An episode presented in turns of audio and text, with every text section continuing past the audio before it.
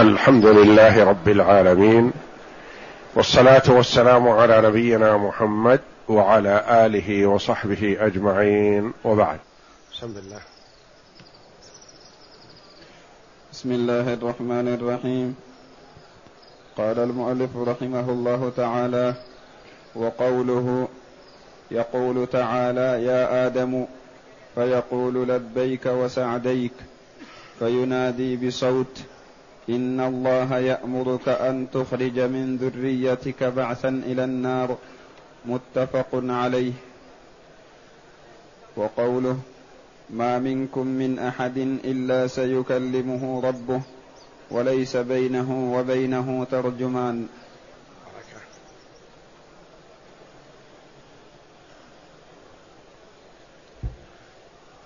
يقول شيخ الإسلام ابن تيمية رحمه الله تعالى في إثبات صفات الباري جل وعلا في كتابه العقيدة الواسطية. بعدما استدل بالآيات القرآنية على إثبات صفات الله جل وعلا أورد ما تيسر من الأحاديث النبوية الصحيحة المتضمنة لإثبات صفات الله تبارك وتعالى. فالحديث السادس قبله تقدم خمسة أحاديث في إثبات الصفات. وهذا الحديث السادس في إثبات صفة الكلام وأن الكلام كلام بصوت. يقول رحمه الله وقوله صلى الله عليه وسلم يقول الله تعالى يا آدم يقول الله إثبات القول لله جل وعلا يا آدم الذي هو أبو البشر وهو أعرف الناس بذريته لأن النبي صلى الله عليه وسلم لما عرج به إلى السماوات العلى مر على آدم عليه الصلاة والسلام في السماء الدنيا فسلم النبي صلى الله عليه وسلم عليه فرد آدم عن النبي صلى الله عليه وسلم السلام قائلا مرحبا بالنبي الصالح والابن الصالح. بصفة النبي صلى الله عليه وسلم واحد من أبناء آدم. وحوله هذا هو الشاهد حول آدم أسودة على يمينه وعلى شماله. فإذا نظر إلى على يمينه ضحك وسر. وإذا نظر إلى من على شماله حزن وبكى. فسأل النبي صلى الله عليه وسلم جبريل ما هذه التي على يمينه وشماله؟ فقال هؤلاء ذريته. والذين على يمينه هم من سبقت لهم السعادة وهم أهل الجنة والذين على شماله هم من سبقت لهم الشقاوة وهم من أهل النار. فهو يعرف ذريته يعرف ولده ويخاطبه الله جل وعلا بقول يسمع. يا آدم فيقول آدم لبيك وسعديك. لبيك لبيك إجابة لندائك بعد إجابة. يعني إجابة لا تنقطع. مستمر في الإجابة لا يتوقف. وهذه تقدمت لنا في الحج. لبيك وسعديك يعني أطلب السعادة منك فأنت معطيها. أنا مني الإجابة ومنك يا ربي الإسعاد لي في الدنيا والآخرة. والخطاب هذا في الآخرة. يخاطبه الله جل وعلا يوم القيامة. فيقول يا آدم فيقول آدم لبيك وسعديك. وورد في رواية أخرى من روايات البخاري والخير بيديك. والخير بيديك. وهذا من حسن الأدب مع الله جل وعلا. وإلا فالخير والشر كله بيد الله تبارك وتعالى. فلا خالق إلا الله ولا موجد إلا هو. فهو بيده الأمور كلها لكن يحسن بمن يخاطب ربه جل وعلا تادبا أن يضيف إليه الخير ولا يضيف إليه الشر على غرار قول الله جل وعلا عن إبراهيم على نبينا وعليه أفضل الصلاة والسلام وإذا مرضت فهو يشفين تادبا مع الله ما قال وإذا أمرضني فهو يشفين وإنما قال وإذا مرضت فهو يشفين. يعني إذا أصابني المرض فهو الشافي جل وعلا. والخير بيديك فينادي أي الله جل وعلا بصوت يعني صوت يسمع يسمعه آدم ويجيب ويسمعه الناس. إن الله يأمرك أن تخرج من ذريتك بعثا إلى النار. إن الله يأمرك. هذا من تمام العظمة والكبرياء. أن المعبر عن نفسه يعبر عنه بالغائب. إن الله صاحب العظمة والكبرياء والملكوت يأمرك بكذا.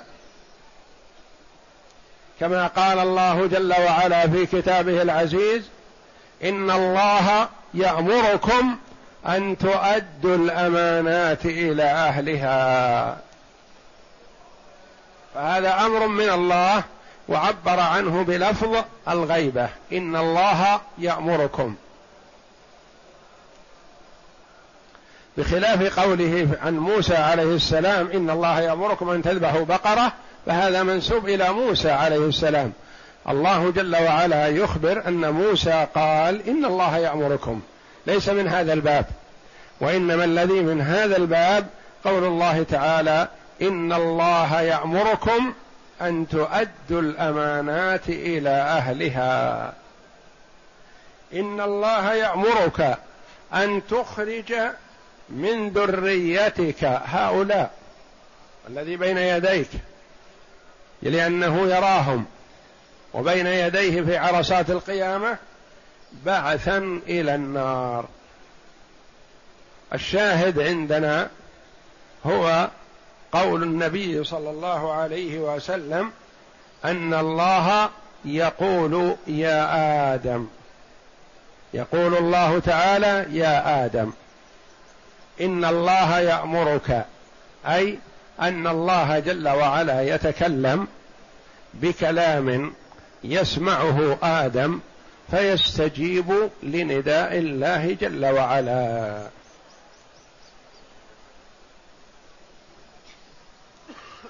والله جل وعلا ينادى وينادي فهو ينادي من شاء من عباده. ويخاطب من شاء من عباده. كما جاء في الحديث الآخر أن الله جل وعلا إذا أحب عبدا نادى جبريل. إن الله يحب فلانا فأحبه. من الذي ينادي؟ الله جل وعلا. ينادي من؟ جبريل عليه السلام. فيقول إن الله يحب فلانا فأحبه. فيحبه جبريل. ثم ينادي جبريل في السماء إن الله يحب فلانا فأحبوه فيحبه أهل السماء ثم يوضع له القبول في الأرض توضع له المحبة. في نفوس الناس من وصله معروفه ومن لم يصله ربما من عرفه ومن لم يعرفه إلا باسمه. يحبه يجد في نفسه ميل ومحبة إلى فلان. وكذلك العكس. إذا أبغض الله عبدا نادى جبريل إن الله يبغض فلانا فأبغضه فيبغضه جبريل. ثم ينادي في جبريل إن الله يبغض فلانا فأبغضوه فيبغضه أهل السماوات. ثم يوضع له الكراهية والبغض في الأرض والعياذ بالله. يكون ممقوت عند الناس مبغض مكروه يكرهه من أساء إليه ومن لم يعرفه بشيء. يجد من نفسه الميل إلى كراهية فلان. فالشاهد المنادات. وورد إثبات صفة الكلام لله تعالى في القرآن العزيز في آيات كثيرة. وكلم الله موسى تكليما. والله نادى آدم.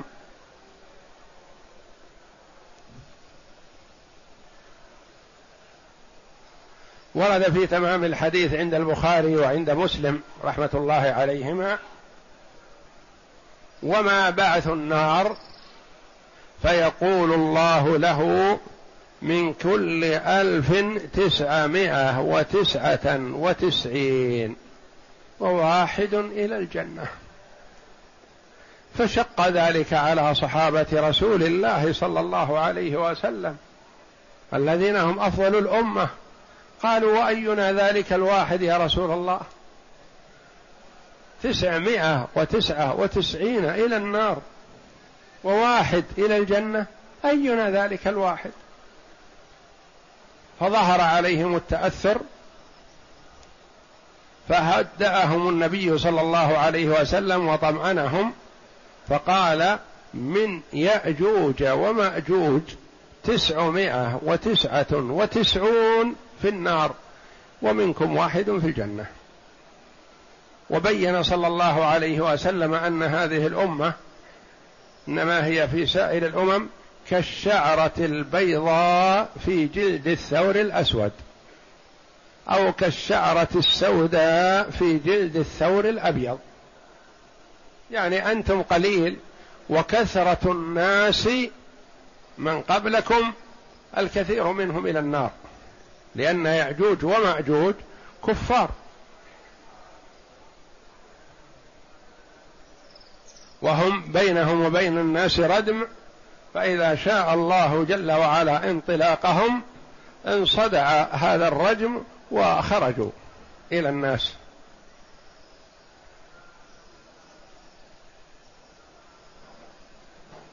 ثم إن النبي صلى الله عليه وسلم طمأن الصحابة فقال إني لأرجو والله إني لأرجو الله أن تكونوا ربع أهل الجنة.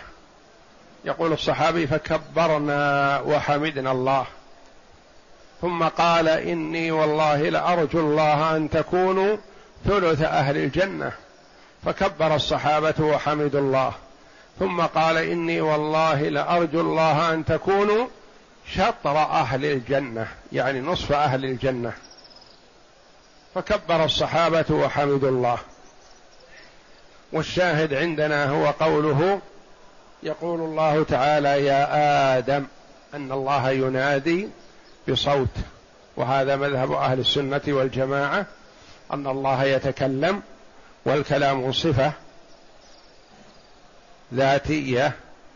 تابعه لمشيئه الله جل وعلا تكلم ويتكلم متى شاء وكيفما شاء ولا يليق بنا أن نسأل عن كيفية الكلام.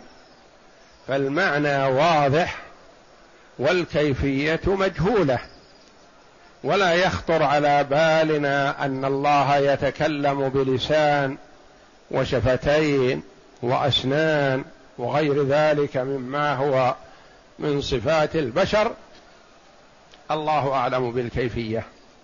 الله يتكلم وكلم الله موسى تكليما ولكن الكيفية مجهولة. ولا نشغل أنفسنا ولا يجوز لنا أن نت... أن نكيف أو نقول كيف وإنما نقول سمعنا وآمنا آمنا بما جاء عن الله على مراد الله وآمنا بما جاء عن رسول الله على مراد رسول الله صلى الله عليه وسلم.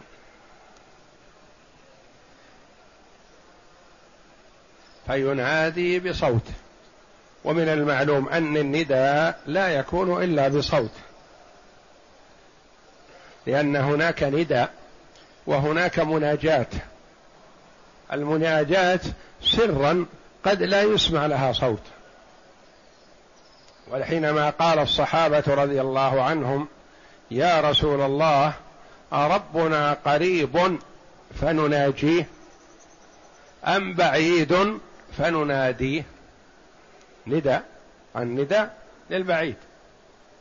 فأنزل الله جل وعلا وإذا سألك عبادي عني فإني قريب أجيب دعوة الداعي إذا دعان. فليستجيبوا لي وليؤمنوا بي لعلهم يرشدون.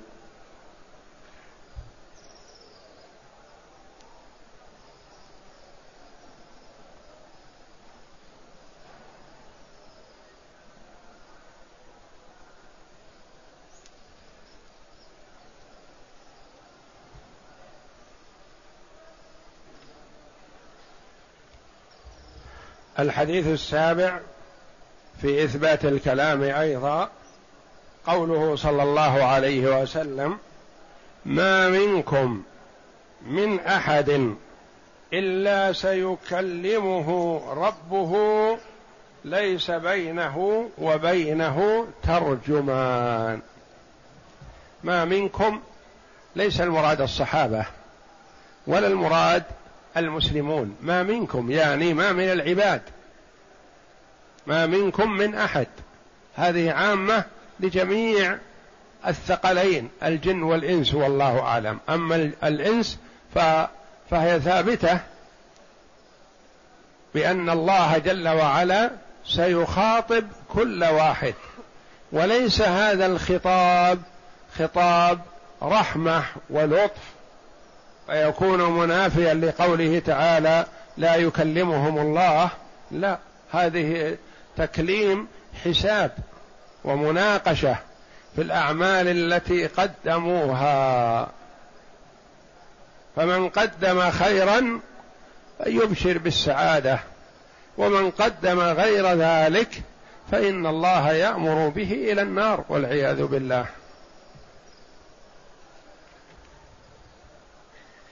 ما منكم من أحد يعني ما من أحد من الناس إلا سيكلمه الله.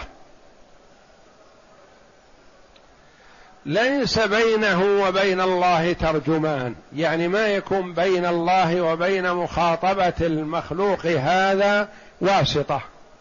الله يخاطبه مباشرة. الترجمان هو الذي يسمع من المتكلم ويلقي الكلام على المتكلم معه باللغة التي يفهمها. الترجمان يكون بين متحدثين لا يعم لا يفهم أحدهما ولا يعلم لغة الآخر. فيكون بينهما ترجمان. يسمع من هذا ما يقول ثم يلقيه على الآخر باللغة التي يعرفها. ثم يسمع الجواب من الآخر بلغته ثم يلقيه على صاحبه الأول بلغته التي يفهمها. هذا الترجمان يعني لا يكون بينكم وبين الله ملك من الملائكة أو مترجم يسمع منكم ويلقي لله جل وعلا وإنما الله جل وعلا يخاطب العبد مباشرة. وهذه مخاطبة حساب ونقاش في الأعمال. فالمرء يتخوف أن يفتضح في عرصات القيامة إذا لم يستر الله جل وعلا عليه يفتضح لأن الله يعلم السر وأخفى ويقال له عملت يوم كذا كذا وكذا. ومن العباد من يرخي الله جل وعلا عليه كنفه وستره فيقرره بذنوبه ثم يقول له غفرتها لك في الدنيا و ولا يعاقب عليها في الآخرة. ومن العباد من يفتضح أمام الملأ وكما ورد ينصب لكل غادر لواء. يوم القيامة فيقال هذه غدرة فلان ابن فلان. وقول الله جل وعلا وأما من أوتي كتابه بيمينه فسوف يحاسب حسابا يسيرا وينقلب إلى أهله مسرورا. وأما من أوتي كتابه وراء ظهره فسوف يدعو ثبورا ويصلى سعيرا.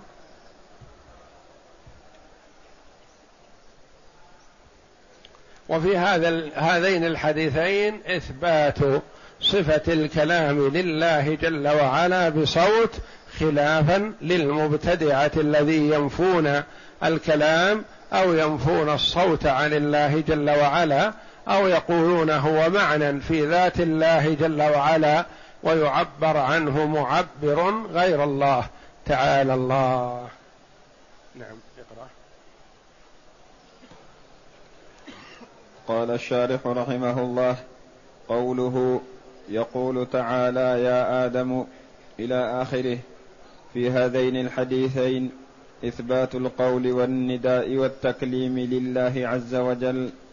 وقد سبق أن بينا مذهب أهل السنة والجماعة في ذلك وأنهم يؤمنون بأن هذه الصفات أفعال له سبحانه تابعة لمشيئته وحكمته. تابعة لمشيئته. ليس معنى هذا أنه دائما وابدا يتكلم؟ متى شاء تكلم جل وعلا. نعم.